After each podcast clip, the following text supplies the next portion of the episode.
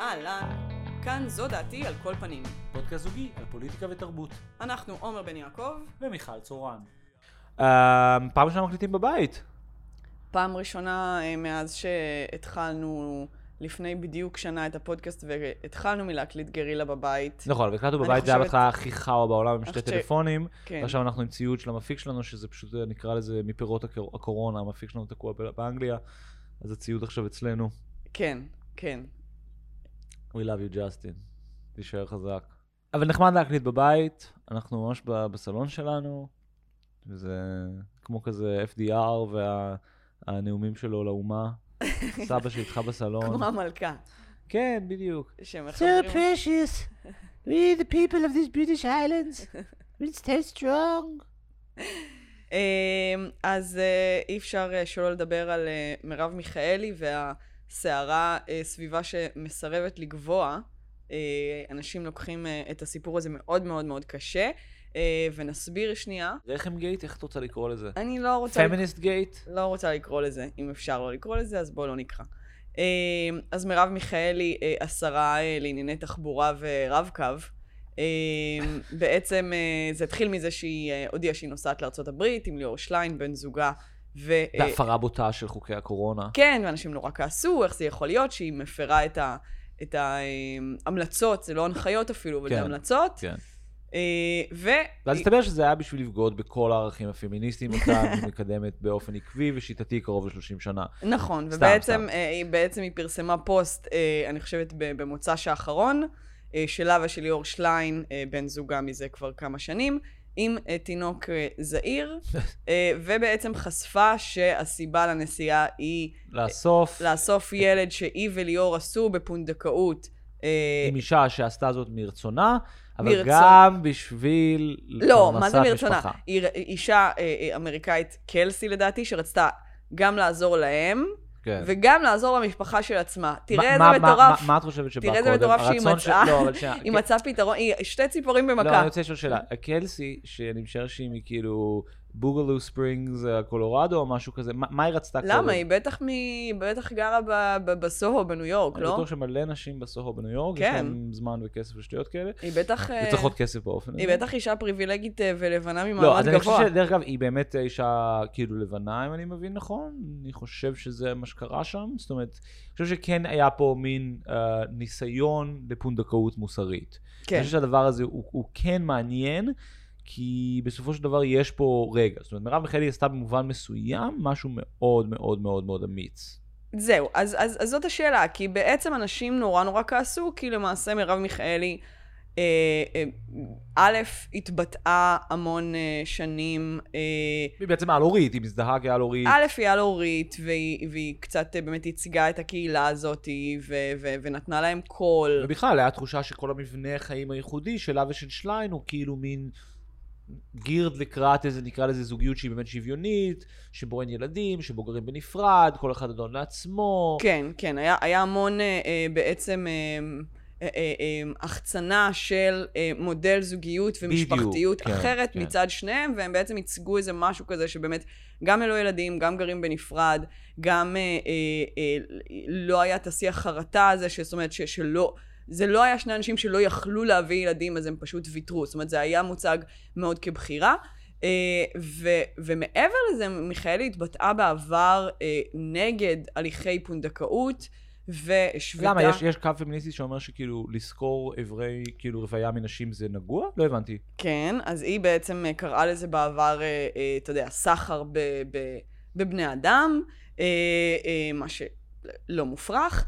אה, וב- ובאמת גם עמדה פמיניסטית אה, אה, מאוד ידועה, ושמשמשת סלע מחלוקת הרבה פעמים בין קהילת ההומואים נכון. לבין קהילת הפמיניסטיות, כי למעשה זה, בדרך כלל הכלי הזה הוא כלי שרת בידי הומואים שרוצים להביא ילדים ואין להם רחם.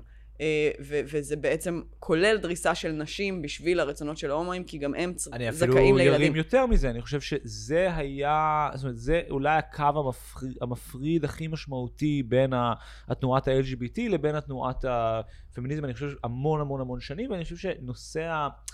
אה, בכלל, הזכות למשפחה, הזכות להורות, הוא משהו ש, ש, שהקהילה הלהט"בית, או בעיקר נקרא לזה גברים הומואים, מנסים לקדם, ואני חושב שהוא הוא, הוא נוגע בנקודה רגישה בתוך התנועה הפמיניסטית, כי כמו שאנחנו יודעים, כאילו גל שני, דברים כאלה, נושא האימהות, אה, הוא- זאת אומרת, זה, זה, זה מאוד טעון, זאת אומרת, זה, זה, זה, אני חושב שברמה פוליטית גם זה נורא נורא טעון, זה לא ברור שהמנגנון הזה שהוא דכאני כלפי נשים, הוא פריבילגיה או זכות שיש למישהו. ואני נכון. חושב שנגיד בשבילי, שאני ואת היינו הרבה פעמים אומרים שיש משהו שמרני בתנועה ל- ל- של ה-LGBT, אז זה בדיוק זה. זאת אומרת, בסופו של דבר רוצים family values, רוצים להתחתן, כן. רוצים להקים משפחה. תראה, זה באמת אה, מראה שאין דבר שאנשים יותר אוהבים מלהצביע על צביעות ומוסר כפול. כן. זה באמת, זה חגיגה בשביל אנשים. בעיקר של מישהי שהיא כל כך אידיאליסטית. ב- בוודאי, כן. כמה שיותר אה, כאילו כן. סתירה פנימית, אז, אז, אז יותר כיף, וזה באמת אהבה ו- ו- ו- ואיזושהי חיבה ש- שחוצה בעיניי את כל המגזרים והמגדרים והשיוכים האתניים אה, בחברה, זאת אומרת, כולם נורא אוהבים אה, לעשות את זה. אי אפשר בכלל לתאר את השמחה של בעיקר אנשים שלא אוהבים את מרב מיכאלי. כן. אה, כן, ראיתי כל מיני אנשי ימין, כאילו, מזל טוב לליאור שליין על הולדת בנם הראשונה, כאילו מן עצמם מסתכל כזה, עזוב, ריצ'רד זה ש- מילא, זה לא להצביע על צביעות ופריבילגיה, זה סתם כאילו ללעוג לה שוב כן, כמו שהם כן, רגילים, כן, כן. אבל, אבל הם התנפלו על המציאה הזאת כן. עם תגובות כמו, אתה יודע, איפה הלוחמת הפמיניסטית שלכם עכשיו? איזה פריבילגית. האמת שהחטא פה הוא כפול, כי בסופו של... אני, אני, אז זה נראה כאילו סיימתי, או ש... אמ, אנשים כתבו לה שאת דואגת כל כך לסודנים, אז אולי תאמצי ילד סודני, וכמובן, השמאל הם כאלה אלופים אה, בצביעות, אה, אה, אה, יש להם עקרונות עד שזה מגיע לבית כן, שלהם, כן. אוקיי? עכשיו, אני, אני, באמת אה, מבינה את זה, כי אחד מהתחביבים הכי גדולים שלי, אה, זה באמת למצוא, אה, אה, צביעות. למצוא דאבל סטנדרט ולהתלונן עליו אצל אנשים שאני אה, מכירה, ואני רק כאילו יושבת ומחכה שאנשים אה, יסתרו את עצמם, כי זה באמת... אה, אה, ואיך זה כאילו מבחינת חיים? כי זה- לי זה נשמע כמו דבר מאוד עלוב ובודד. אה, איך זה, how's that working out for you? זה הנקודה הבאה שלי, זה אכן עלוב ובודד. איזה יופי, מאמי. אה, פריץ'! והנה אני פריצ'ינג, כאילו אני עושה את זה הכי הרבה, ואני. הולכת לטעון נגד זה עכשיו, למרות שזה כל מה שאני עושה בחיים שלי. אה, ואני חושבת שאתה יודע, זה קצת גם, זה נורא מתחבר לסוג השיח שאנחנו אה, נמצאים בו היום. זאת אומרת, זה גם באמת הסוג צדקנות שנורא שולטת בשיח, של כאילו, אה, אה, אה, המחשבה באמת שיש איזה שצריך להיות עקביים ושיש איזה ערך לעקביות. כן, וגם ניסיון כזה לתפוס אנשים במילה בגלל המרכזיות שנתנו לעמדות שלנו. כן. וזה אגב מתחבר ל... כאילו שבגלל שאנחנו תופסים אנשים רק לפי העמדות העקרוניות שהם מזדהים לפיהם, אז כאילו התפיסה היא, התפיסה של בן אדם משקר או מזייף, זה כאילו מוכיח שהכל BS, כאילו. כן, וזה נורא נורא קשור כן לשיח הזהויות, בגלל שזה באמת כאילו, זה, זה, זה מחייב את כולם להתמקם באיזושהי עמדה, כן. זאת אומרת, לשים את עצמם על הספקטרום הפוליטי בכל ציר אפשרי, פה אני ככה ופה אני מזדהה ככזה, וככה פה אני תומך בזה. ואז אפשר בעצם כל הזמן to call out people, כי הם אמרו ככה ולא עשו זה. זאת אומרת, זה גם מה שדיברנו אגב בהקשר של, ה, של התחקירים של העיתונים. כן. הנה, הם עשו תחקיר על העיתון הזה, אבל יש אצלם מישהו שעובד והוא גם נכון, עושה את נכון. זה. זאת אומרת, זה איך יכול להיות כל שבמאקו, השיח. שעושים כתבות על התעמרות, עכשיו יש שם התעמרות. כן, וזה נורא מזכיר לי את הסדרה המדוברת שראינו אה, בסופש האחרון, אה, הלוטוס הלבן, אה. שיכול להיות שנדבר עליה בפרק הבא, אז כרגע אני רוצה רק לגעת במרכיב אחד, בואי אל תספרי יותר מדי, כי יכול להיות שניגע בה בפרק הבא. אני הולכת לא לספר יותר מדי, כי יש אפשרות שבפרק פשוט הבא בפרק אנחנו... הבא אולי. אז לכן אני הולכת ככה, לא- כן, אתה אני יודע. הייתי פשוט, בשביל בזהירות. שנוכל לדבר על זה בפרק הבא, אני לא הייתי נוגע בזה כן, יותר אני, מדי אני עכשיו. אגע בזה ככה בכפפות של משי. אז יש שם אה, אה, שתי דמויות, אה, דמויות קצת בעיניי הכי מעניינות, אה, שזה שתי אה, אה, מין דור ה-Z מעצבנות כאלה שקוראות ספרים, אה, פרנס פנון וכל מיני כן, כזה. ויורדות על כולם. אה, ומאוד מייצגות את ה, את ה... לא יודעת, מילניאל, דור ה-Z, כבר לא יודעת מה ההבחנות ביניהם, אבל משהו מהם. ומתישהו אחת מהם שואלת את האבא, אה, What do you stand for? כן, שזה כאילו, והוא כזה מין, what do I stand for? כאילו מין, מה כן, זה כן, השאלה כן, הזאת? כן. כאילו, וזאת השאלה שכאילו מין, היא, היא, היא משמשת אותה כדי אה, לנסות אה, להכיר אותו. כן, זה היה הדרך שהוא כאילו, כן. אה, וזה בעצם נורא נורא נורא מצביע בחוכמה על כמה שהדור הזה, וזה מי שמחולל את השיח הזה, עסוק בעמדות. כן. ובכאילו מין, על מה אתה נאבק. כאילו זה גם נהיה מרכיב זהותי. זאת אומרת, כן. זה בעצם ומה הזהות. אני חושב שמה שיפה במה שמירב עושה זה כאילו מין שהיא מאתגרת את הטהרנות הזאת. זאת אומרת, אני, אני חושב שהיא עשתה בחירה במובן מסוים מאוד מאוד מאוד אמיצה, כי היא בעצם בחרה לסמן מבפנים ומהצד היותר שמרני את הגבול המוסרי של פונדקאות. זאת אומרת, זה- כשזה כאילו, זה, זה, אני מתנגד באופן, זאת אומרת, אני מתנגד לפונדקאות, זאת אומרת, לי זה נראה כמו תמיד, זאת אומרת, כמו שדיברנו בהקשר של הסוריגטס, דברים כאלה, זאת אומרת, זה נראה לי עוד אינסטנציה שבו אישה צריכה, הגוף שלה נרכש עבור משהו שלא לגמרי, באג'נדה זה שלה. ברור. אבל מצד שני, אני חושב שכשאתה עושה, זאת אומרת, זה העיקרון, כן, זה העיקרון המוסרי שאני מז- מזדהה לפיו, ואני נאחז בו כגבר, כאילו פמיניסט. אבל מה שמרב מיכאלי עשתה, ואני חושב שבמובן הזה יש פה משהו מאוד אמיץ ומעניין, שזה לסמן איפה, איך האידיאל הזה יכול להתממש uh, בסיטואציה שבו חייבים לעשות פשרות. והחיים הם תמיד פשרות, ואני חושב שהרבה מהשיח ה... נגיד, מסתכלת על הרבה מהדילמות כאילו שיש במקרא, הנושא המשפחתי הוא נושא ליבה.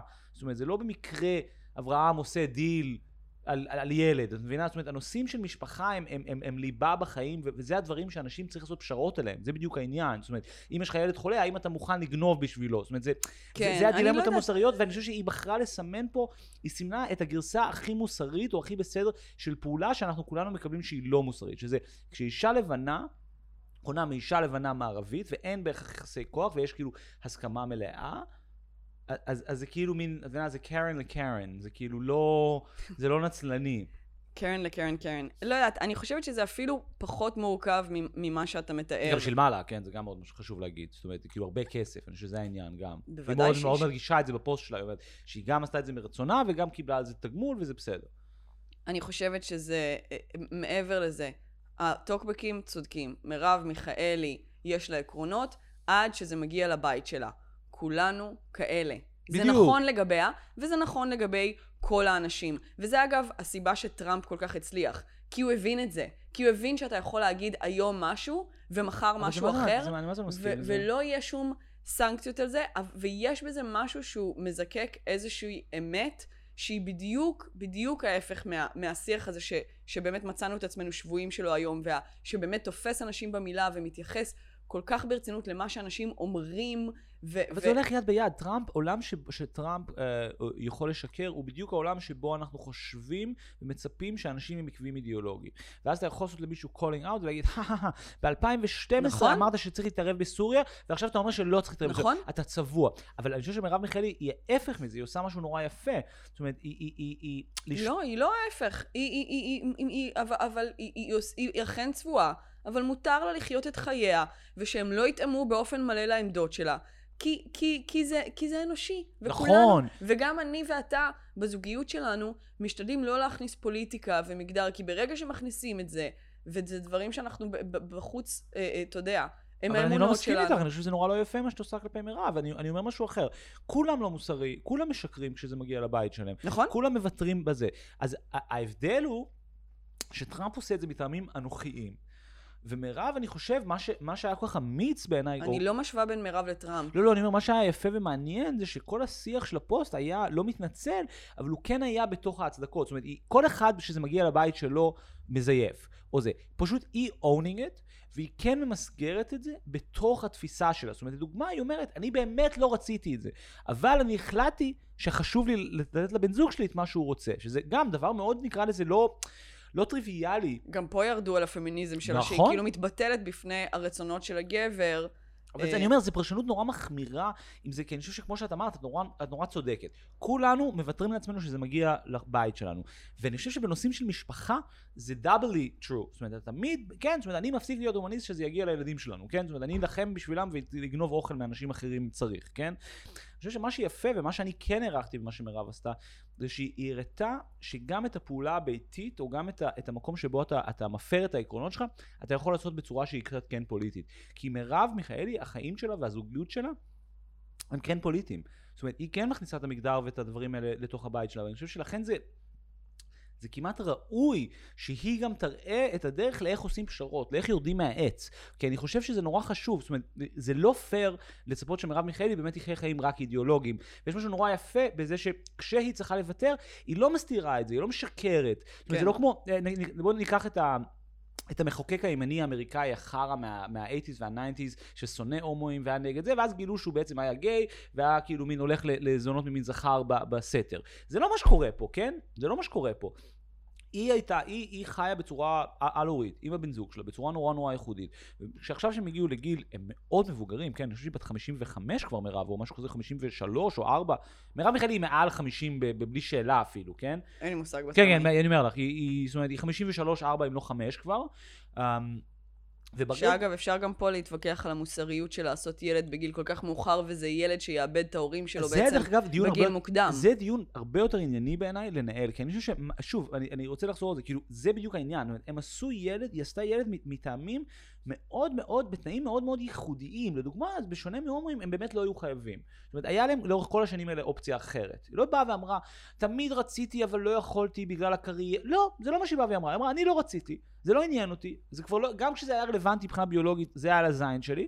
עכשיו, שאנחנו בתוך, במקום מבוגר יותר וזה, אני כן החלטתי שאני נותנת את זה לבן זוג שלי, אותו בן זוג שאני לא גרה איתו אפילו, כן? אז למה זה, זה שונה? זאת אומרת, למה בעצם להם יש זכות לעשות את זה, להתחרט על משהו שהוא... על פניו בלתי הפיך, אחד הדברים היחידים שהם באמת בלתי הפיכים, הבחירה לעשות או לא לעשות ילדים, למה she gets to do it, ועל הומואים אנחנו כועסים okay. אוקיי. על, ה- על ההתעקשות שלהם על הזכות. למה יש לה מעולה. זכות כאישה עשירה מעולה. ומבוגרת? אז אני אסביר. אז אני אסביר מה דעתי. אני, לא, אני חושב שהיא עשתה משהו שהוא... אני נגד פונדקאות, כן?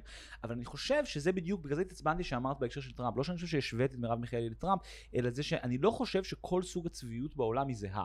זאת אומרת, האופן שבו טראמפ צבוע, והאופן שבו אני צבוע, והאופן שבו מרב מיכאלי צבועים, יש בכל זאת ספקטרום עליהם. כן. ואני חושב שהספקטרום הזה הוא מה שראוי להערכה ואמיץ במה שמרב מיכאלי עשתה. הכי נוח להיות טהרנית על-הורית שאומרת, אני אף פעם לא אעשה שום דבר בשביל אף גבר ולא זה. אבל מצד שני אנחנו חיים בעולם, נכון? זאת אומרת, לפעמים את רוצה ילדים, את רוצה לא להיפרד מהבן זוג שלך, לפעמים אנחנו עושים פשרות.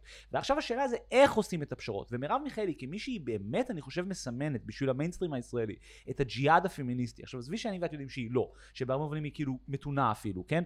ביחס להרבה פמיניזם רדיקלי. כן. אבל זה שמישהי שמסמלת את הגבול של הטהרנות המוסרית הפמיניסטית, היא תעשה את הפעולה הזאת ותראה איך בכל זאת יש גרסה שהיא יותר בסדרית מאשר המודל האמיר אוחנאי, היא נורא משמעותית. למה ש... אתה מניח שהיא יותר בסדרית? כי זה אישה בשם אסביר. קלסי? אז אני אסביר. אני חושב, אני שוב, אני לא מסכים עם זה. אני חושב שהיא עשתה משהו שהוא לא, לא, לא טוב מבחינה מוסרית, אני פשוט מקבל את זה שכולנו צריכים לעשות דברים לא מוסריים. ואני לא אוהב שאנחנו אומרים... פה אני איתך.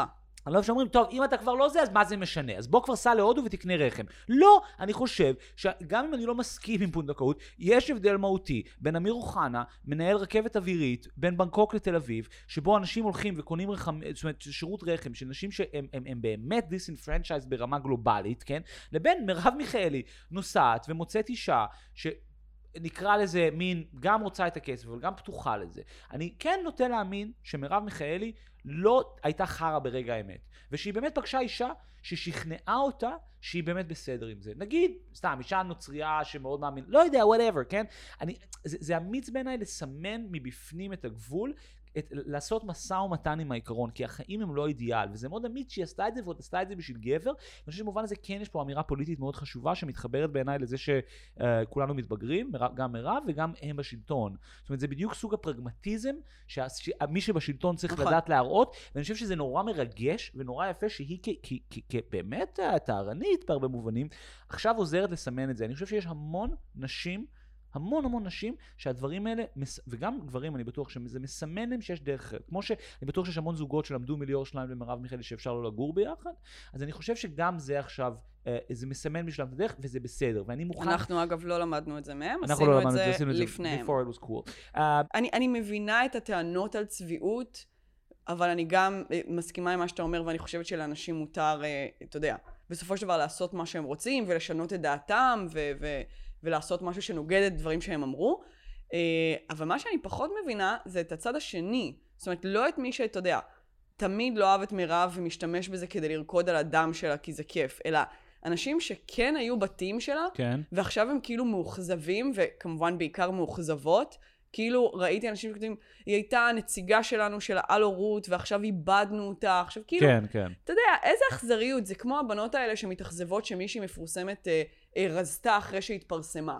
כן, כאילו כן. מין, תניחו כבר לנשים, היא לא קיימת כדי לספק את הצרכים שלך בייצוג. נכון, אני חושב היא שזה חלק קיימת מזה. בשביל עצמה, יש לה חיים, החיים לא צפויים, היא לא חשבה שזה יקרה. נכון. היא חשבה שהיא תמשיך להיות בלי ילדים, ואז ליאור התעקש, והיא החליטה שהזוגיות שלה יותר חשובה מעקרונות, ולמען האמת היא צודקת. הזוגיות נכון. שלה יותר חשובה מעקרונות, כי היא בסוף צריכה לחיות עם, ה- עם ואני חושב הזוגיות שבגלל זה הזאת. יוצאים עליה, כי אני חושב שחלק מה, מה, מהמתחים זה שאנחנו חושבים שיש מתח, או אנחנו, ויש מתח, בין לחיות חיים פוליטיים אידיאליסטיים לבין לחיות חיים נורמטיביים, ו, או, או יומיומיים, כן? ואני חושב שמה ש... מה שמרב מיכאלי עשתה זה באמת קשור לחיים עצמם. כן. עכשיו, באמת, אני באמת חושב ככה, זאת אומרת, אין טעם בעקרונות ואידא, ואידיאלים אם הם לא מתממשים גם בתוך החיים עצמם. ואני חושב שהנשים האלה כן. כועסות, אג- אגב, כי אנשים... בדיוק על זה, הן כועסות כי היא הוכיחה להם שבמובן מסוים אי אפשר, לא, זאת אומרת, אם את חיה חיים נורא נורא אידיאולוגיים, אז, ו, ו, אז באמת, זאת אומרת, אפשר, אבל ראינו לא, שאנשים אפשר. שהם רק חיים את, ש- את האידיאולוגיה שלהם, הם, הם פסיכופטים. הם גם הרבה פעמים, אידיאו- אה, הם כבר הופכים להיות כאילו מין... האידיאולוגיה היא אמצעי למשהו. יש משהו נורא מרשים בזה שמרב מיכאלי חי חיים על הורות עד גיל מאוד מבוגר, עשתה מה שהיא רצתה, חיה בצורה מופרדת וחופשית מהבן זוג שלה, ואז החליטה שהיא רוצה עכשיו ההפך. זאת אומרת, גם הפמיניזם וגם כל התפיסות האידיאולוגיות נועדו, לפחות, אני חושב, לחזור לבן אדם. זאת אומרת, מה הטעם שיהיה מערכת פמיניסטית אם לא, שמרב מיכאלי תוכל לחיות איזה חיים שהיא רוצה. כן, כאילו- ולשנות את דעתה. ולשנות את דעתה. עכשיו, נכון, בואו עכשיו נגיע לליבה הנצלנית פה. עכשיו, השאלה הזאת, מי זאת צ'לסי, כן? מי זאת קלסי. קלסי, לא משנה, בסדר, היא על זין שלי, כן? כאילו... אה, אוקיי, אם אתה כל כך אכפת לך מהרחם שלה, אז לא, השם לא, לא. אכפת לי מהרחם שלה ברמה עקרונית. אוקיי. זה לא הרחם הספציפי של קלסי שלנו, שאכפת לי ממנו. Um, עכשיו, אני חושב שזה מעלה משהו יפה שאנחנו נגענו בו בהקשר האמריקאי, כי את חושבת על ההבדל בין לנסוע לברזיל או לתאילנד לעשות פונדקאות, אל מול לנסוע באמריקה. אני חושב שזה מעלה um, דווקא באמת משהו שקצת זרקתי מקודם, שזה כאילו הפוליטיקה של הקרן. כאילו הפוליטיקה של האישה הלבנה. זאת אומרת, בעצם האישה הלבנה שאולי um, הייתה כאילו נקרא לזה הגוף הפוליטי של הפמיניזם, של ה-70's וה-80's, כאילו, אתה יודע, the right to abortion, כל הדבר הזה, ובמובן מסוים גם הגוף שהוא במרכז של ה-MeToo. ואני חושב שמה שאנחנו רואים באמריקה, ודיברנו על זה בהקשר של הקרן, זה בעצם קצת שחיקה של המעמד של הדבר הזה. זאת אומרת, כי אם את חושבת על, ה- על פוליטיקה אמריקאית ועל פוליטיקת מיטו, אז זה דווקא נורא רגיש בדיוק לנשים כאלה. זאת אומרת, אישה בגיל מבוגר, זאת אומרת, בגיל לא, לא ילדה, ש, ש, שכאילו, זאת אומרת, היא-.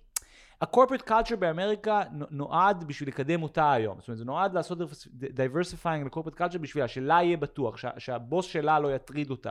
כן. כן. ויש משהו נורא מעניין, שפתאום זה כאילו מין... דווקא, דווקא אנחנו רואים כמה היא כן עוד uh, הפקר במובן מסוים. זאת אומרת, כאילו אין ה... איך אני אגיד את זה? כאילו, בסופו של דבר יש פה משהו...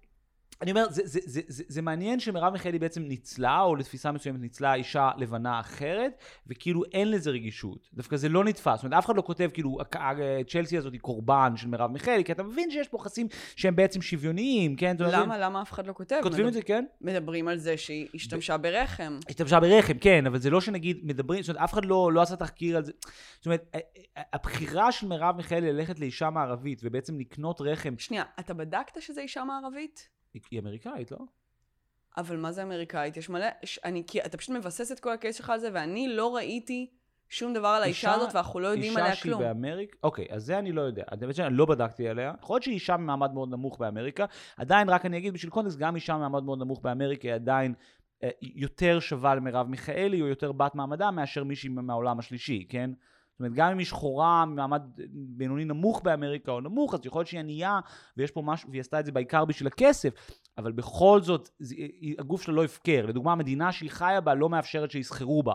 ואם היא שחורה גם, המדינה, זאת אומרת, יש לה civil rights as an American, היא לא אישה וייטנאמית שאיש לא יודע אה, אם היא רשומה איפשהו אבל בכלל. גם מקרים כאלה יש הרבה, ונורא מבקרים עדיין הומואים על לנסוע לארצות הברית ולקנות תינוק מארצות בטוח, הברית. בטוח, אבל מאיזה בוא. נשאל אותך שאלה, את לא חושבת, או את לא מאמינה, שמרב מיכאלי מספיק אה, מושקעת בתפיסת עולם שלה, שהיא לא תסכים בנקודת קצה לקנות את הרחם שלה, לקנות רחם מאישה שהיא מרגישה לא, שלא עושה את זה על דעת עצמה? אני לא יודעת כלום על מרב מיכאלי האדם. לא, אני, שואל- אני, אני שואל, מה, מה את אני חושבת? לא יודעת.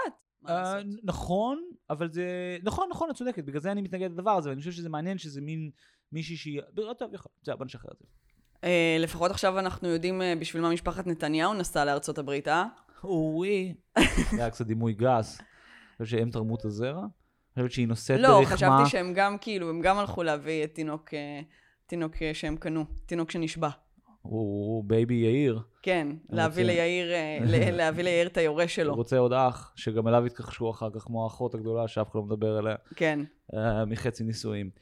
אה, בסדר, טוב, אז אנחנו רוצים לעבור לנושא הבא שלנו, שהוא נושא שאני מאוד מתרגש לדבר עליו, ומיכל באמת באמת נורא סבלה בהכנה לאייטם הזה, כי אני החלטתי שאנחנו הולכים לעשות אפגניסטן. עכשיו, אפגניסטן זה כאילו הליבה של לעשות פודקאסט כאילו שמאלני ביקורתי, אתה אומר, יואו, יום אחד יהיה משהו עם אפגניסטן, זה כזה, זה פטי של אנשים שאוהבים סיפורי חוץ כזה, לא? אני, כן, ואני מאוד מאוד לא משתייכת לאנשים האלה, ונאלצתי אה, גם לראות אה, סרט של אדם קרטיס, שזה דבר ששנוא עליי, כי אני חושבת שבן אדם שמייצר את הסרטים הכי משעממים בעולם, סליחה לכל מי שאוהבת ואוהב אותו, ואני יודעת שיש הרבה כאלה, אה, וגם אה, לקרוא על הנושא. כן, אני קורא, הוא קשה, אבל אתה גם... יודע שקשה לי לקרוא. בכלל, אתה אני- בקושי, בקושי יודעת קרוא וכתוב. כן. Um, אני חושב שגם זה, זה הצחיק אותי, וגם במסגרת ההכנה לפרק הזה צץ איזה מין מתח מגדרי בינינו, שרציתי קצת לה- להנכיח, כאילו זה... אפגניסטן זה בדיוק הדברים שאין להם שום היגיון, אף אחד לא מבין מהם כלום, אבל אני חי בעולם כאילו אני מבין בזה, ואת חיה בעולם כאילו את לא מבינה בזה. עכשיו, אני מבין בזה כי ראיתי uh, סרט של אדם קרטיס. אני רציתי שנדבר על אפגניסטן דרך שתי סרטים.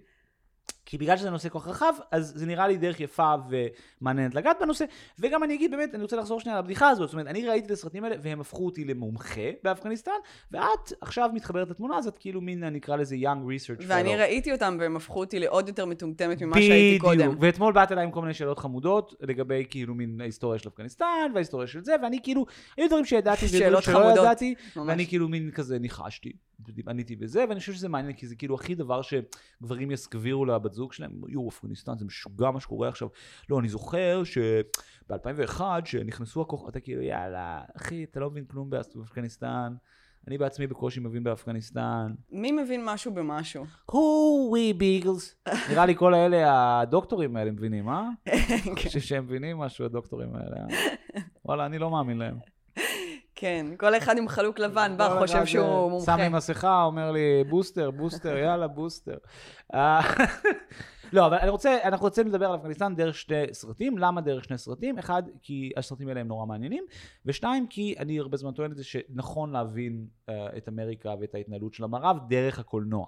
ויש שתי סרטים שאנחנו ראינו לכבוד הפרק, מי שרוצה מוזמן לעצור עכשיו ולראות את הסרטים האלה. אחד זה Charlie Wilson's War, זה סרט מ-2007 של במאי מהמם בשם מייק ניקולס, uh, שבו מככבים שתי שחקנים לא מוכרים, uh, ג'וליה רוברטס וטום הנקס. Uh, להערכתי זה הסרט היחיד שבו תום הנקס uh, עושה קוקאין כדמות, אז יש פה כאילו איזה מין רגע bad boy של זה, וזה סרט אחד, והסרט השני הוא באמת אדם קרטיס, Bitter Lake, סרט של ה-BBC, מאוד מופשט, על, על uh, בעצם אפגניסטן כמטאפורה לכל ההתערבות המערבית בעולם הלא מערבי, מאז תקופת האימפריאליזם ועד היום. ואיך היה לך? אמ, אני חושבת שבאמת, אמ, אני ראיתי את הסרטים, ובאמת במקום אה, להרגיש שהם מלמדים אותי משהו, הם רק גרמו לי להרגיש כמה אני לא תופסת כלום, כמה זה מבלבל אותי, כמה אני כאילו, רק נוצרות לי עוד ועוד שאלות, וכמה אני בעצם, אמ, אתה יודע, מתבלבלת ומסתבכת עוד, ואני כן. סיימתי את זה בתחושה באמת שאני לא... זאת אומרת, אני לא מבינה את העולם. גם חס- את צ'ארלי ווילסון סיימת ככה, או, או, או רק את ביטר כן, לייק? כן, כן, כי אני מרגישה שיש נושאים שאני פשוט אה, אה, מרגישה כלפיהם שאני לא מסוגלת להבין אותם. ואת כן לא, חושבת שזה מוגדר? אני חושבת שזה לגמרי ממוגדר, אני, אני, הרבה מהחברות אני שלי פשוט חושב שאולי מרגישות ככה. ה-mental capacities שלך אה, פחותים משלי. כן, אוקיי. אבל uh, אני חושבת שבאמת גברים, יש להם את, ה, את התפיסה הזאת שאם הם יקראו, אתה יודע, איזה שלוש עובדות על משהו, אז הם, הם, הם כבר מרגישים שהם מבינים, ואז הם משכנעים את עצמם שהם מבינים, ואז הם משכנעים את הסביבה שהם מבינים, והם יכולים ללכת ולהעביר את המידע הזה בטוח, אה, אני, הלאה. אני חושב כל ו- הזמן על עצמי על בהקשר של ויקיפדיה, במובן מסוים הידע הכללי שלי הוא ידע ויקיפדי. כן, ואני מרגישה שבאמת, זאת אומרת, א', יש איזו תחושה שהמון המון דברים לא נדבקים. אתה איכשהו, אתה יודע, רואה את הסרטים האלה, ואני לא יודעת איך, אבל אתה, אתה זוכר, ואחרי זה ב-20 שאלות אתה יודע לשלוף את זה. אני כאילו מין, אני אקרא ספר על משהו, ואתה יודע, תכוון אקדח לרקה שלי, אני לא אצליח לשלוף כן, את כן. השנה, או את מי לחם נגד מי, אבל אני אזכור דברים אחרים לגמרי, אה, אה, שקשורים, אתה יודע, לנושאים אה, נלוזים כמו אבל יש דברים שאת- רכילות אבל יש- אה, ואופנה. כן, אבל זה בדיוק העניין, שאני חושב שלכולם יש מין כאילו RAM כזה, זיכרון random access memory כזה, um, שמוקדש למה שהם תופסים כידע שאתה רוצה שיהיה לך בשלף.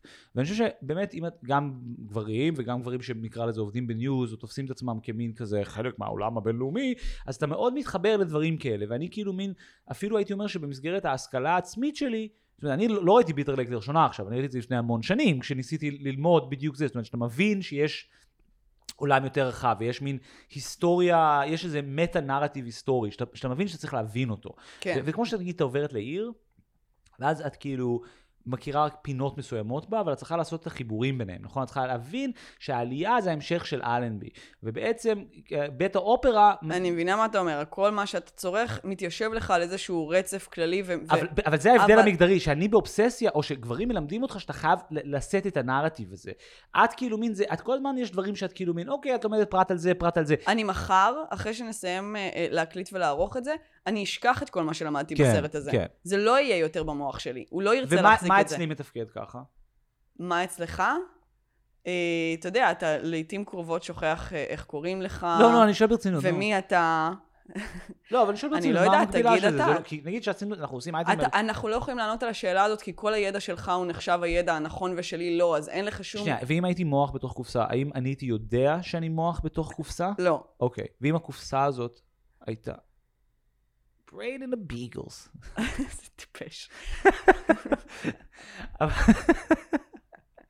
אמ, אני חושב שאני, תראי, אמ, אני בחרתי את שתי הסרטים האלה בכוונה. אני רציתי שנדבר על הדבר הזה בדיוק סביב זה, כי אני חושב שכל אחד מהם נותן אה, בדיוק מידע. שמי שקורא רק את הניו יורק טיימס, ומי שקורא רק נקרא לזה את הפרשנויות היומיומיות של הטליבן ומה קורה באפגניסטן היום, לא יכול לקבל גישה אליהם. במובן הזה אני לא חושב שאת כאילו באמת בורה כמו זה שכאילו מין, זה, זה בקשה די, זאת אומרת רוב האנשים, זאת אומרת רוב הטקסטים או רוב הכתיבה או העיסוק באפגניסטן לא הולך כזה אחורה, זאת אומרת הולכים כאילו מין, אומרים אה בוש, אה תאומים, אובמה רצה לא, לצאת, נכון, כאילו, אבל יש? גם עניין שכשאני פוגשת את המידע הזה, אז הוא נורא נורא משעמם אותי. זאת אומרת, אני נורא נורא לא מתעניינת בללמוד ולקרוא על זה, ואני מתקשה, אה, אתה יודע, בכלל לספוג את המידע הזה, כי אני מעדיפה לעשות literally כל דבר אחר. בואי תספרי שנייה מה ראית בצ'ארלי ווילסון, ואני אצ- אציג את Bitter Lake, את בוא תצ- אתה תספר לאנשים שלא צרכו אף אחד מהסרטים האלה ולא קראו אף כתבה, כן. את, אה, תעשה סקירה קצרה, אבל לא, לא או, קצרה, סקירה קצרה. על אה, אפגניסטן. אין בעיה. אז בעצם ה- ה- שתי הסרטים האלה, כל אחד מציג חלק אחר מההיסטוריה של ההתערבות האמריקאית באפגניסטן, כשהיום ההתערבות הזאת בעצם נגמרה. מה שאנחנו רואים היום, מי שלא יודע, זה בעצם יצאו סופית הכוחות מאפגניסטן, ובאמת המדינה הידרדרה למה שאני חושב שאפשר להגדיר אותו כ-shit show at the fuck factory. כן. Uh, כולנו ראינו, אנשים נופלים ממטוסים, זה באמת באמת מחריד, ואתה אומר כמה גרוע יכול להיות באפגניסטן, וואלה, לא ידענו כמה יותר גרוע יכול להיות באפגניסטן, ובאמת נראה שמחריד שם והחברה מתפרקת. איפה הסקירה? עוד לא התחלת אותה. הווי. כאילו, אני חושב על אפגניסטן, מה שרציתי להגיד לך, שהתוצאה, אנחנו מנסים להסביר את זה, אבל זה סיפור נורא מסובך. זאת אומרת, נורא קשה לה... נורא קשה להסביר מה קרה שם. זאת אומרת, היום יוצא הצבא האמריקאי, וכוח איסלאמיסטי בשם הטליבן משתלט על המדינה. הטליבן היה פעיל המון שנים באפגניסטן, ובאופן כללי אפשר אפילו לטעון שאמריקה המציאה את הטליבן.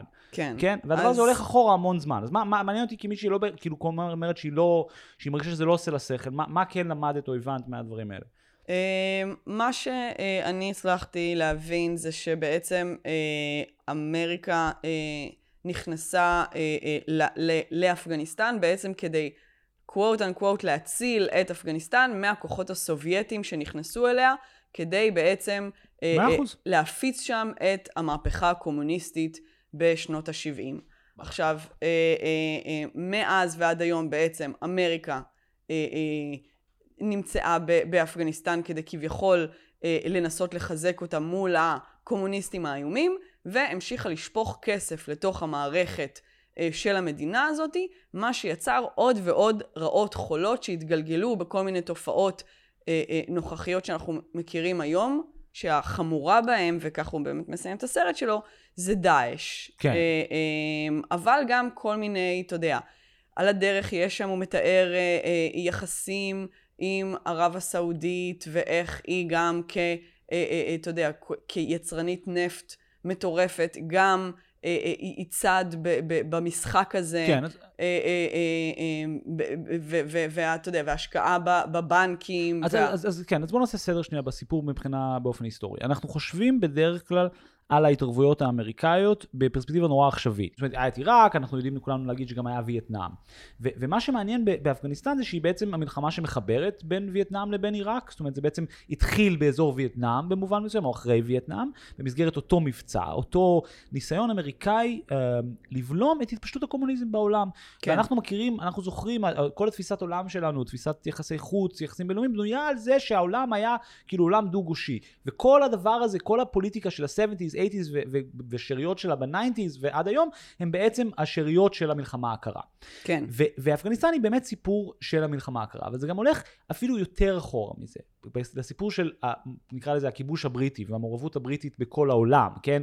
כי בסופו של דבר, אפגניסטן, כמו הודו, כמו ישראל, כמו כל האזורים האלה, היא גם מקומות שהיה בהם כיבוש בריטי. ואני חושב שמה שלי מעניין באפגניסטן, או מה שאני, הסיבה שכל כך רציתי לדבר על זה, שכאילו במסגרת הסיפור, נקרא לזה East versus West, מלחמה קרה.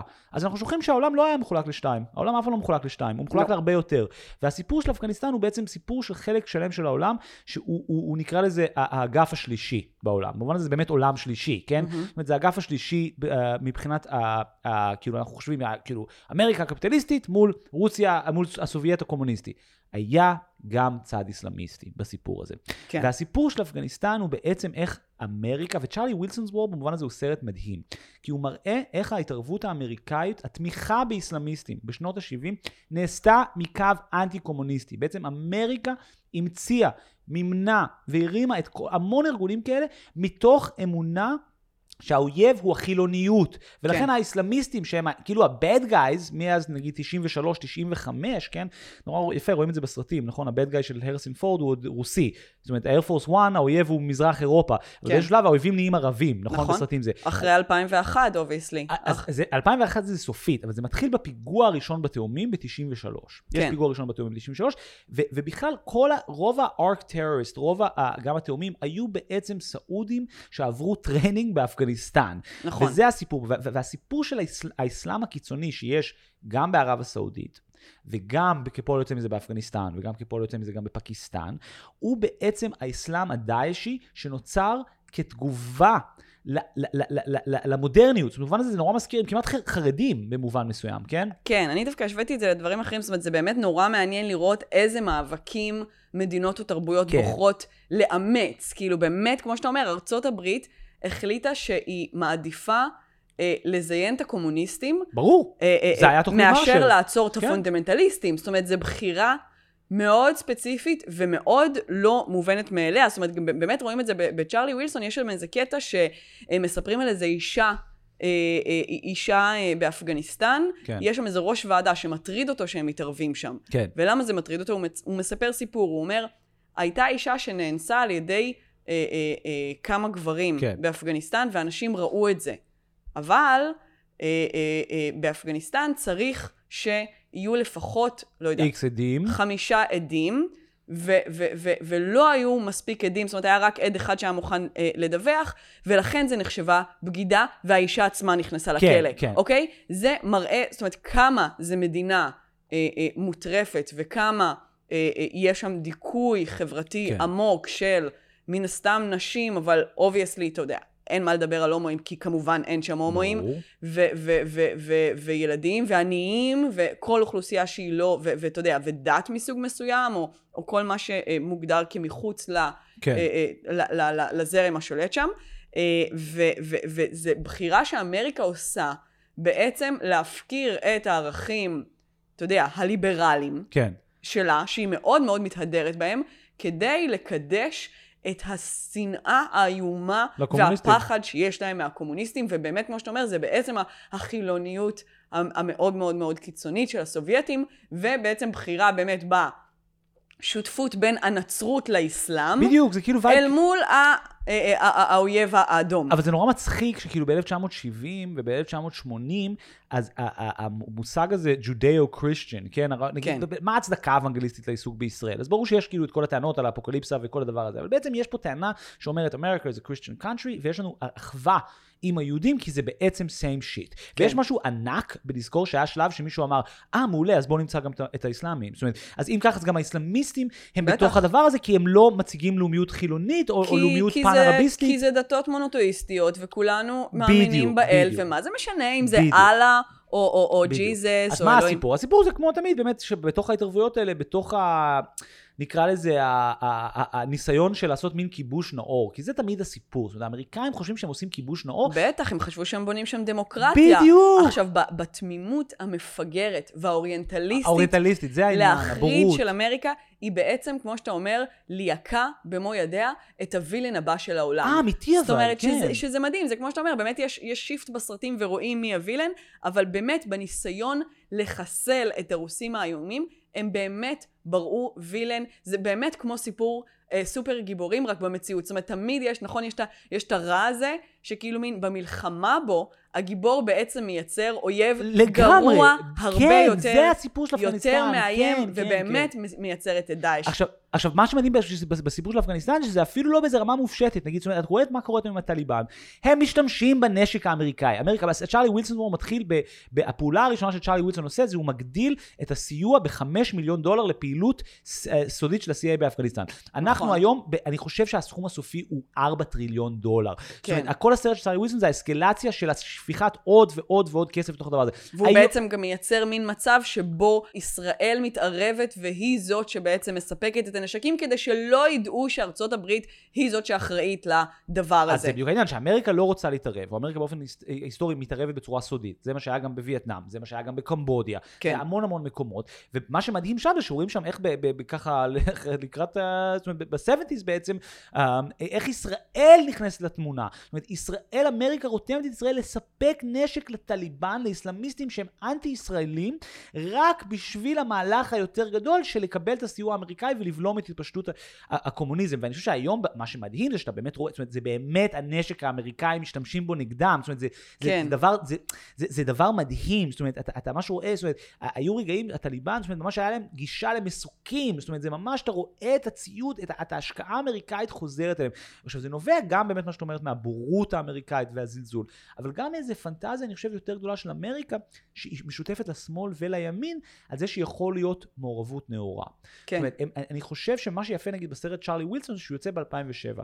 הוא יוצא עוד, uh, כשאמריקה עוד בתוך עיראק, וזה עוד נראה כמו משהו שעלול להיות רעיון רע, אבל הוא לא רעיון ממש מחריד לגמרי, ולכן צ'ארלי ווילסון הוא בא להראות את המודל הזה שבו אנחנו עושים התערבות, אנחנו עושים את זה מסיבות טובות, אבל זה עלול להתפוצץ לנו בפנים. וזה סרט במובן הזה נורא כמעט קומי היום, כי הוא מציג את ההתערבות האמריקאית באור הירואי.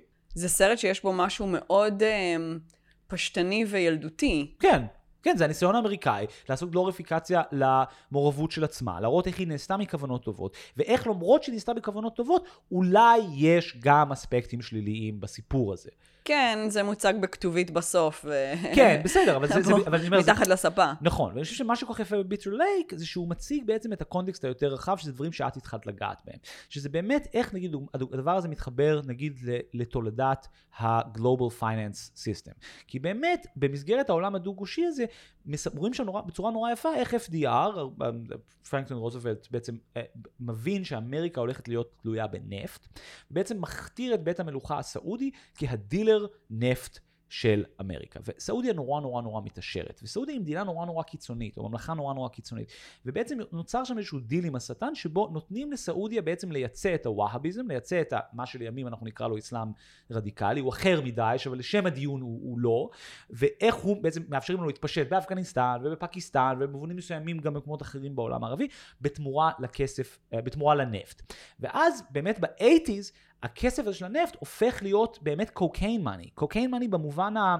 של הקולנוע האמריקאי על stock brokers שעושים המון קוקאין. כי פתאום יש הון בינלאומי סעודי שזורם בחזרה לאמריקה, זורם בחזרה למערכות בנקים הבינלאומיים, ובעצם יוצר קאסטה חדשה של אנשים שלימים יהיו ההורים של אוסמה בן לאדן, כן? זאת אומרת, כן. זה, זה, זה בדיוק האנשים האלה, והמתח הזה בין הכיבוש הנאור האמריקאי והרצון לעודד, כאילו, נקרא לזה, כוחות שהם כאילו באינטרסים האמריקאים, אל מול הכוחות האלה באמת תוקפים את אמריקה, יש בזה משהו נורא מעניין, כי באמת אי אפשר לנתק בין הסיפור של אפגניסטן, נגיד, אפילו לסיפור של הסאקלרים, כן? זאת אומרת, אפילו עליית המגפת ההרואין באמריקה, במקור, ואפילו לימים המגפת האופיאטים, קשור לזה, כי המון מהכלכלה האפגנית בנויה על בעצם סמים, כן? זאת אומרת... על, על כן, על ייצור אופיום. על ייצור אופיום. ו- על פרג. על פרג, וביטר לייק מראה בצורה נורא יפה איך הפרג עצמו נוצר בעקבות פרויקטים של פיתוח אמריקאים שבנו סכרים, ואז התחיל להיות, להיות הפרג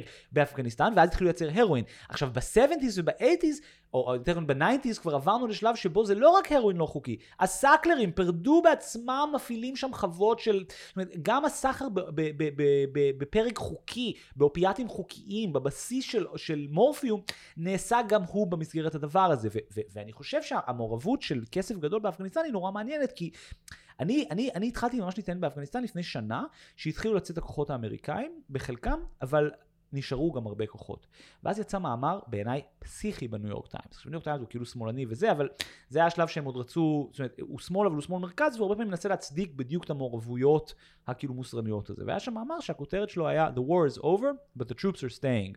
והדבר הזה הוא בדיוק הלוגיקה של ה big כסף, של הכסף, במור... זאת אומרת, נקרא לזה היועצים וה contractors וכל הדבר הזה, כי בסופו של דבר, כן, הצבא האמריקאי לא יהיה שם יותר, לא ימותו חיילים אמריקאים, אבל יהיה מלא אנשים שעובדים בעצם, אזרחים פרטיים שמקבלים כסף לעשות ייעוץ על סחר בנשק. כן, מה גם שהמעורבות כבר, המערכת בפנים. בדיוק, המעורבות כן, כן נעשתה, כן, כן. זאת אומרת, לצאת משם זה טוב ויפה, אבל כאילו מין, אתה יודע, הטביעת הרגל היא כבר נעשתה, ואני חושבת שבמובן הזה יש משהו תמיד אה, אה, מחמיר לב בפגישה של המזרח עם המערב. Mm-hmm. כאילו, זאת אומרת, בכלל, הפוטג'ים האלה שתמיד נורא מזעזעים אותנו של, אתה יודע, של אנשים עם טורבן וגלביה כן. ורובה. כן, נכון? כן, תמיד כן. יש בזה משהו מזעזע, זה מפגש כאילו לא טבעי. ואפשר לקשור את זה גם, אתה יודע, אתה נוסע להודו ואתה רואה את, את ההודים עם האייפונים, כן, אוקיי? כן. ויש בזה מה שאתה אומר, זה לא, זה לא יושב כן, טוב. כן. ו- ולא יודעת, ואפילו הנייטיב אמריקאנס, האינדיאנים כאילו, כן. אה, אה, והאלכוהול, וכמה הם, הם, הם, אתה יודע, נהיו אלכוהוליסטים. כן, יש משהו המפג... בקולטרל שוק הזה של המפגש ה... זה מייצר איזשהו אה, מוטציות נורא גרוטסקיות תמיד. אה, ואני חושבת שזה גם, אין מה לעשות, זאת אומרת, זה תהליכים שהם טבעיים והם קורים בעולם כי תרבויות נפגשות, אבל, אבל יש בזה משהו שמעורר אפילו ממש אה, אה, תגובה פיזית, וזה תמיד, אתה יודע, מביא אותך לאיזה מחשבה שאולי עדיף, אתה יודע, באמת לא להתערב, לא להיכנס, זאת אומרת, וזה שוב האשמה הלבנה הזאת על כן. זה שאתה יודע, הרסנו את המזרח. כן, כן. אנחנו כאילו, הדברים שאנחנו מביאים לשם מחרבים את התרבויות האלה כן. אה, אה, באיזושהי רמה. אבל פה אמ, באמת רואים, אני חושב, אני רוצה להוסיף על זה מה שאת אומרת, שזה משהו שדיברנו עליו אתמול, אני חושב ששאלת אותי כל מיני שאלות רקע על אפגניסטן, שמה שבעצם המודחק של הסיפור הזה, זה שבעצם זה כן מהדוגמאות הכי מזוקקות למחירים של הקולוניאליזם. זאת אומרת, בסופו של דבר, לא ברור באיזה מובן אפגניסטן היא בכלל מדינה. כן. זה כמו לבנון, זאת אומרת, זה בעצם, יש שם כל מיני קבוצות, שאולי במצב של דמוקרטיה אבסולוטית היו בוחרים להקים שם חמש מדינות, כן? זאת אומרת, כמו שלבנון אמורה להיות חמש מדינות, היא לא אמורה להיות מדינה אחת, אבל אונסים עליה איזו תפיסה לאומיות מסוים. כן, עשו את... עליה ב-50's וב-60's. גם התפיסה של לאומיות היא בכלל דבר שהמערב מביא. זאת אומרת, רואים בסרט נכון. של קרטיס איך... ארצות הברית הביאה לאפגניסטן את הבעלות הפרטית על שטחים. נכון. שלפני כן לא הייתה שם. נכון, נכון, ובדיוק כמו שהבריטים יצרו את ההבחנה המאוד סינתטית בין הודו לפקיסטן, ובעצם יצרו בעיות, כי יש פה, זאת אומרת, יש פה סיטואציה שהיא הרבה הרבה יותר מורכבת, ובאמת המתחים האלה צפים היום. עכשיו, הודו היא מדינה, כאילו, את יודעת, היא פאר, היא פאר של מדינה, זה לא אפגניסטן, היא לא מדינה כושלת, כאילו. ועדיין בהודו, הנה מודי עולה, וזה מתסיס מתחים אתניים ודתיים אל מול מתחים לאומיים. עכשיו, גם בישראל זה קורה. אבל הסיפור של, של אפגניסטן זה באמת וולגרי ברמה פסיכית, כי אתה, כי זה כל הזמן התפוצץ בפנים של האמריקאים, ויותר מזה זה גם בעצם לא, לא הצליח אף פעם, ל, ל, ל, זאת אומרת, לא היה רגע שבו זה היה מוצלח, תמיד זה היה פרויקט אמננטי, זאת אומרת, טוב, עוד קצת טרופס, עוד קצת זה, במובן הזה כן. זה באמת כמו וייטנאם, זאת אומרת, זו מלחמה שאמריקה הפסידה, אבל הפסידה ב, ברמת ההשפלה, עכשיו האמריקאים יצאו מווייטנאם עם הזנב בין הרגליים, ומה שאנחנו רואים פה עכשיו קורה באפגניסטן, זה, זה בעצם אותו דבר, אחרי שכבר היה איזה 2-3 exit point, כאילו ב-2001 היה היה vibe של יוצאים מאפגניסטן, ודונלד רמספלד ואיך קראו לו, בוש, אמרו, לא. אנחנו הולכים לזיין את הטליבן. כן. שזה מדהים. כאילו- לנקום בהם. כן. זה, יש איזה קטע מדהים בסרט של קרטיס, שרואים אה, אישה אה, בריטית אה, לבנה מלמדת חבורה של אה, אפגנים אה, קורס באומנות מודרנית. כן, כן. והיא מציגה את האסלה של דושן, ומספרת להם איך הכניסה של האסלה למוזיאון הייתה רגע מכונן בכל תרבות האומנות ה- כן. ה- המודרנית, ואתה רואה את האנשים שם, הם כאילו, הם לא מבינים מה היא רוצה מהם. זה כזה אידיוטי לעשות את המפגש הזה בכלל. כן, אומרת, the nation building הזה, את education לא, וגם building. להניח שמה שאתם מביאים, זה מה שהאנשים האלה צריכים לדעת. אבל, אבל אני חושבת שזה מעניין גם להסתכל על, אתה יודע, אנחנו היום נורא מסתכלים על זה, קולוניאליזם והתערבויות וכמה זה פסול, אבל אתה יודע, כאילו גם המדינה הזאת קיימת בעקבות התערבות מאוד מוצלחת. זאת אומרת, אה, ישראל. מע- כן, מעניין. להסתכל. ישראל גם קשורה באפגניסטן, זאת אומרת, אנחנו קיבלנו מדינה בדיוק במסגרת אותו דבר. אז אני, אני חושבת ש, ש... וזה נוגע במשהו מעניין שמישהו אומר, איזשהו מרואיין אומר בסרט של, אה, של קרטיס, אה, שבסופו של דבר, הבעיה בהתערבויות האלה, מהמם. זה שהכוחות האמריקאים, אה, לצורך העניין, נכנסים לאפגניסטן, ובוחרים איזשהו צד לתמוך בו, והם לא באמת יודעים מי הרע ומי הטוב. בדיוק. אין להם מושג, בכלל לא מבינים, כי הם, הם אונסים את כל התפיסה שלהם, בדיוק כמו הסצנה הזאת שתיארת על, ה- על נכון. האומנות. הם לא, כל, כל הפעולה היא רק לכפות את הפרספקטיבה האמריקאית על מה נכון, שקורה שם. ובמלחמת העולם השנייה היינו, חיינו עדיין בעולם שבו יש רע וטוב, נכון. וזה די קל להבחין ביניהם. נכון. ואפשר להבין מי הווילן ומי הגוד גאי, וזה בסדר, ואז אפשר לשחרר אנשים ולעזור להם, נכון, נכון. ולהוציא אותם מציפורני הדיכוי. היום זה לא ככה יותר. בטח כשאתה נכנס לאיזה, לאיזה מקום שהוא, שהוא לחלוטין מערב פרוע, נכון. איסלאמיסטי, שאתה לא מבין לא את הדת, לא את החוקים, לא את הסוג חברות האלה, ו- ו- ואתה בא ומסמן ואתה מישהו... מחמש אה, אה, בעצם איזשהו סוג של מוצא אתני מסוים על חשבון האחרים. אתה בכלל לא מבין שיש טאג'יקים ויש אה, פו- פושטנים ויש זה, כאילו, אתה גם כזה מתנשא שאתה לא טורח אפילו להבין וללמוד את הדברים האלה. יש סצנה נורא יפה אצל קרטיס, שרואים את אחד מהיועצים האמריקאים מגיע לאיזה חנות בכבול ורוצה לקנות ממנו אה, שירותי הדפסה. הוא הוא, אומר, כן, הוא רוצה לקנות מכונת... אה, הוא רוצה, בדיוק. הוא אומר, אני. אנחנו הולכים לפתוח בבסיס, ואנחנו רוצים copy machine. כמה זה עולה? וההוא נותן לו מחיר ויש משא ומתן, ואז בסוף הוא אומר לו, תשמע, אם אתה מוכן לבוא להדפיס פה, זה יהיה הכי זול. אה, והוא אומר לו, לא, לא, אני רוצה לקחת את כל המכונה איתי. ואתה אומר, וואו, זה מדהים. זאת אומרת, ההוא... אה, אה, אה, הוא בכלל לא מבין איזה הזדמנות עסקית יש לו פה, כי הצבא האמריקאי רוצה לקנות ממנו מדפסת. אבל הוא לא יכול, כי כל, זאת אומרת, כל העניין שלו זה שיש לו את המדפסת בחנות. זאת אומרת, הוא, הוא, הוא, הוא, הוא הבית דפוס המקומי.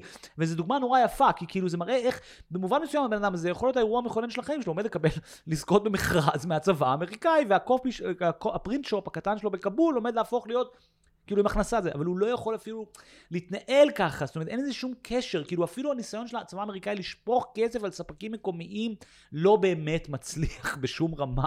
כן. כן, וזה פשוט סתם, סתם ניסיון אמריקאי לשפוך כסף על בעיה. Um, רציתי להגיד עוד משהו קטן, פשוט uh, כי אני חושב שזה כן, כן מעניין. יש עוד סרט uh, בנטפליקס בשם רפטו, שהוא בעצם דוקו שנורא הצליח. דוקו על אה, נעלי בובה אה, מאוד מאוד יקרות לנשים, מאור כן, איטלקי. כן, שבאות עם ריח כבר מראש. אה, שזה מליסה? זה מליסה. זה מליסה, אוקיי, סורי. יצאת, אה, הנה, הנה הטיפשויות של, של גברים. בדיוק, בדיוק.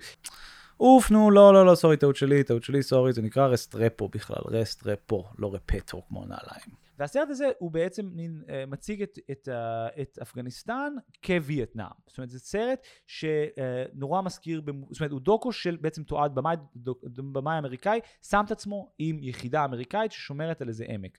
וזה העמק הכי deadly בכל אפגניסטן, וזה באמת, אתה אומר, כאילו, זה נראה כמו פרודיה, זה כמעט כמו מחזה סאטירי. זה שמונה חיילים אמריקאים שעומדים, תקשיבי, זה מדהים, בתחתית של העמק. זאת אומרת, יש כאילו פאות בצדדים, עליהם יש אפגניסטן, אה, טליבן, הם יורים מהבוקר עד הלילה על העמדה הזאת, והחיילים האלה בעמדה הזאת ופשוט מתים.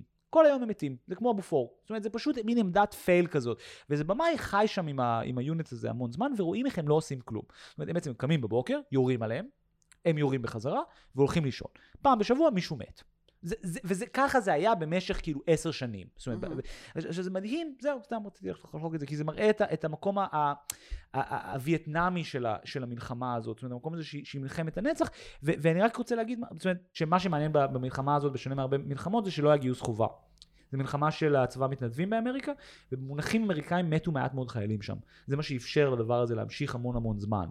וכשאתה רואה מה החיילים האלה עשו, אתה מבין שזה באמת כאילו מין נע בין לנסות להשיג מכרזים על חברות uh, תפו, uh, כאילו מדפסת בכבול, ל- ללשמור על עמדה שאף אחד לא מבין למה צריך והיא undefendable. זאת אומרת, זה לשמור על בודקה בתחתית של עמק, שיש 14 כפרים עוינים סביב העמק הזה, ו- ורק צריך שיהיה שם עמדה אמריקאית ואף אחד לא מבין למה יותר. כן. משהו כזה. אני חושב שצריך לסיים דווקא בפרגון. רוצה לפרגן לביידן. כי אין נשיא אמריקאי שלא דיבר על לצאת מאפגניסטן, וכולם לא עשו את זה כי הם הבינו שהם יראו כמו fucking pussies ו losers. ומסתבר שאם אתה זקן דמנטי שמבין שאין לו עוד הרבה זמן לזמן על זה, פשוט... זה יתרון. זה יתרון, he fucking bit the bullet. וזה נראה מחריד, כי זה באמת מחריד. מצד שני, להישאר שם עוד, היה מחריד עוד יותר. ואחלה שביידן, שהוא באמת לא ירוץ עוד פעם, כי הוא פשוט לא יחיה עד אז, בולע את זה בשביל כולנו. כן, האמת ש- ש- שעכשיו אני מבינה שבעצם, זאת אומרת, זה היה כנראה כן בחירה טובה ביידן, בטח. כי אף אחד לא הבין שמדובר באיש שאין לו מה להוכיח. נכון. ואין אין מנהיג טוב יותר מאדם שאין לו מה להוכיח לסביבה שלו. זאת אומרת שהוא באמת מנסה לעשות פשוט טוב בזמן שנשאר לו, כי כאילו מין באמת אחריו המבול. נכון, ואני מזכיר לך, זה, זה, זה המלחמה שכבר נגמרה חמש פעמים. זאת אומרת שחמש פעמים יש נשיאים עומדים ואומרים, that's it, okay, we're done. המאמר הזה מהניו יורק טיימס הוא איקוני בדיוק בגלל זה. The war is over but the troops are staying. ואתה אומר, what the fuck are you talking about? מה זה אומר the war is over but the troops are staying? זה אומר הניתוח הצליח, אבל החולה מת. בדיוק, זה אומר הכיבוש נאור, זאת אומרת, זה, זה, זה מה שזה אומר, אנחנו שם, אבל אנחנו לא שם, וזה לא מלחמה, כן, בטח לא מלחמה. וביידן במובן הזה עשה משהו שהוא נורא נורא חשוב, שזה כאילו מין להפסיק לעשות תשלומים על, ה, על, ה, על, ה, על הביזיון, שהביזיון לא יהיה כל כמה חודשים איזה אסון קטן, אלא לבלוע את הכל בפעם אחת. כן. טוב. Uh, נעבור uh, לנושא uh, הבא שלנו, שזה הסרט עוד סיבוב, שהלכנו לקולנוע לראות אותו לפני uh, זמן מה, של הבמאי תומאס uh, ויטנברג, uh, שבעצם היה חלק מחבורת דוגמה. אתה רוצה אולי כן, לספר לנו קצת עליה? אז אני כילד שגדל בסינמטקים, אה, אחד מהכזה כוחות הכי מעניינים, או הכי זה, היה קבוצה שנקראתה דוגמה 95, שהייתה בעצם קולקטיב או קבוצה של אה, כמה במאים אה, דנים, אה, המפורסם ביניהם הוא לארס פונטרר, אה, שעשו קולנוע, נורא אינדי, זה היה כמעט נורא בעולמות הגל החדש, הרבה וידאו מהתאורה, היה לזה כל מיני חוקים, אה, כפי שהשם שלהם מרמז, הם הוקמו ב-95, ובאמת כאילו מין, לארס פון טרייר במשך השנים, בעיקר, בעיקר בעקבות דוגוויל ועוד כל מיני סרטים, בעצם הפך את עצמו לבמאי בינלאומי. אבל בהתחלה הם היו מין איזה קול של קולנוע נורא מקומי, כמו רן לולה רן, שהיה מין דוגמה, ל, ל, איך קראו להם גם, קבוצה אחרת של ה... דוק, דוקימנטה איקס, איך קראו להם? כאילו גם איזה קולקטיב של במאים uh, מגניבים כאלה מברלין של שנות ה-90 המאוחרות או משהו כזה. ועברו 30-40 שנה מאז, וכמו כולנו הוא נהיה בורגני, מעמד בינוני, והוא עדיין עושה סרטים. Uh, והתומאס ויטנברג הזה עשה חתיכת סרט מהמם, אנחנו ממש ממליצים בחום ובאהבה לראות את הסרט another round עוד סיבוב. כן, Um, עדיין מציג uh, uh, בבתי הקולנוע, זה זה... גם זכה באוסקר, נכון? כן, כן. Uh, לשבח אני אציין רק את מאדס ומיקלסון, השחקן הראשי של הסרט, uh, שהוא, אז אני בטח רוצה להגיד שהרבה זמן לא ראיתי פרצוף כל כך מפורצף, uh, והרבה זמן לא ראיתי שחקן שכל כך עכשיו עניין אותי לחזור אחורה ולראות את כל שאר הסרטים שהוא אי פעם שיחק בהם, והוא באמת, באמת תפקיד ראשי יוצא דופן. כן, זה בעצם מדובר על אה, חבורה של גברים ב... בגיל העמידה, אה, כולם מורים ב... באותו בית ספר, אה, אה, במין עיירה קטנה כזאת, ומאוד מאוד נחמדה ומאוד פסטורלית ב... דנמרק. בדנמרק, נכון, באתי להגיד? נורווגיה, נורא קשה להבדיל, בדנמרק. כולם מכירים את כולם כזה, במקום נורא חמוד ויפה, או פיטר. אה, וכולם גרים בבתים הכי יפים בעולם. וכולם מעמידים פנים שהם נוצרים למרות שהם בעצם אה, פגאנים מהמאה הביניים. נכון. אז uh, בעצם חבורת הגברים המורים האלה uh, מחליטה לעשות איזשהו ניסוי קטן, על פי מחקר מאוד מאוד קיקיוני, שעל פיו חסר לנו בדם... Uh, זה לא מחקר, זה, זה בעצם האמירה של איזה פילוסוף דני שאני לא הכרתי, או פילוסוף נכון, נכון. שאומר שכל הגברים, כל האנשים בעולם נולדים עם מחסור של מחסור. 0.5 אלכוהול בדם, שזה דרך מצליחה להגיד שהוא חושב שהמצב הטבעי של האדם זה עם 0.5 אלכוהול בדם, שזה אחוז, יין. כן. כן. אה, אז, אז באמת אה, הם מחליטים אה, אה, בצורה די אורגנית אה, לנסות את הדבר הזה, ולמעשה להיות אה, אה, שיכורים קצת כל הזמן. עכשיו, זה, זה, אני יודעת שזה נשמע כמו התחלה של סרט אה, מטומטם מאוד, אה, סטייל אה, אחרי החתונה, אה, עוצרים ב... עוצרים ב- ו... ב-Yellow, אה, אבל, אה, אבל באמת הטיפול בנושא הזה הוא מאוד מאוד אה, מעמיק ומאוד יפה ומעניין, זה וזה... מדהים, כי זה בעצם וזה לא, סרט. זה לא סרט צפוי בשום צורה, זאת אומרת, יש... גם לא סרט מפורמט, זאת אומרת, זה לא על ניסוי של ארבע חברים שמנסים לשמור על רמת לא, האלכוהול בדם. זה לא קשור זה- לדבר הזה זה כל בעצם כך. סרט על שתי דברים שיש להם overlap מאוד יפה, שהוא נקרא לזה משבר הגבריות, או משבר הזהות הגברית שיש לקראת גיל 40, 50 וכדומה, אה, ומצד שני, חברות אלכוהוליסטיות. שבו אלכוהול הוא ממש טקס מעבר, ונהוג לשתות, ושותים בתיכון, ואין בעיה. עכשיו, אני חושב שכל ישראלי שבילה קצת בחלקים מסוימים באירופה, אה, זוכר את הרגע שבו הוא הבין שהוא בחברה שבו שותים בכמויות ש, ש, שהוא או היא לא מרגישים איתם בנוח. זאת אומרת, אני זוכר את, ה, את ה, שהגעתי לאוסטריה ולקחו אותי לאיזה ביזנס לאנץ', ובביזנס לאנץ', אה, ההוא שישבתי איתו שתה שתי בירות. כן. ואני כאילו מין, אחת. השעה היא אחת. כן? כן. או שהלכתי שם לאיזה מסיבה, לאיזה דינר פארטי, וקלטתי שזה לא קול שלא הבאתי שישייה, ושאלתי למה שישייה, ואז אמרו לי, כי אתה צריך להביא לכל הפחות מה שאתה תשתה. כן. עכשיו, אני לא הבנתי, כאילו, זה, עכשיו זה מזכיר לי תמיד את הסיפור הזה על אוסטרליה, שלא מוכרים שם בירות בודדות בתחנות דלק, כי מה תשתה אחרי שתגיע לאוטו? כן. אז זה בדיוק זה. כן, אמ, לגמרי. זה גם מתחבר בעצם למסורת שקורית בשנים האחרונות, ו, ו, ובעצם, כמובן, נושא הלפיד שלה הוא קרל אובה קנאוסגורד, אה. אה, אה, הסופר הנורבגי שהתפרסם עם אה, סדרת הספרים אה, מיינקאמפ. המאבק שלי, אה, שבעצם, זאת אומרת, למי שלא קראה או קרא, אה, אני בעצמי קראתי רק שניים מהם. אה, רק כי- שתיים, רק זה, אז מה, קראת רק 1,800 עמודים? כאילו, כן. זה זה מתוך 4,000? כן, אה, ולפי, ה- זאת אומרת, להשקפתי, בעצם אה, קנאוסגורד עוסק במה שקורה... אוי, זה באמת נשמע מעניין, נכון? אה, אבל אתם לא משלמים לפטריון, ולכן אתם לא תזכו לשמוע את זה. אני רק רוצה ל- לספר שמי שלא יודע, פטריון עברו הנפק, הנפקה לפני קצת זמן, במלא fucking כסף. אתם יודעים למה? כי זה אחלה fucking מודל, שבו אתם יכולים לתמוך ביוצרים. כן, אשכרה עברו הנפקה באיזה 4 מיליארד דולר. ולכן אתם יכולים גם לקחת חלק במהפכה הזאת, אתם צריכים להיכנס לאפסטור שלכם, להוריד את האפליקציה של פטריון, לחפש, זו דעתי על כל פנים, ולהירשם, ואז גם אתם תזכו לפרק המלא ועוד כל מיני הפתעות שיש לנו למינים שלנו. אה, ומי שלא, ייהנה עכשיו משירה ביגלס, שחברים מאוד טובים שלנו אה, עשו לנו אה, לרגל החתונה, אה, בהלחנה וכתיבה של אה, ירון סיוון ויונתן השילוני. אה, תודה רבה, נתראה בפרק הבא, להתראות. להתראות ביגלס. בית י' ג' ל' י' ז'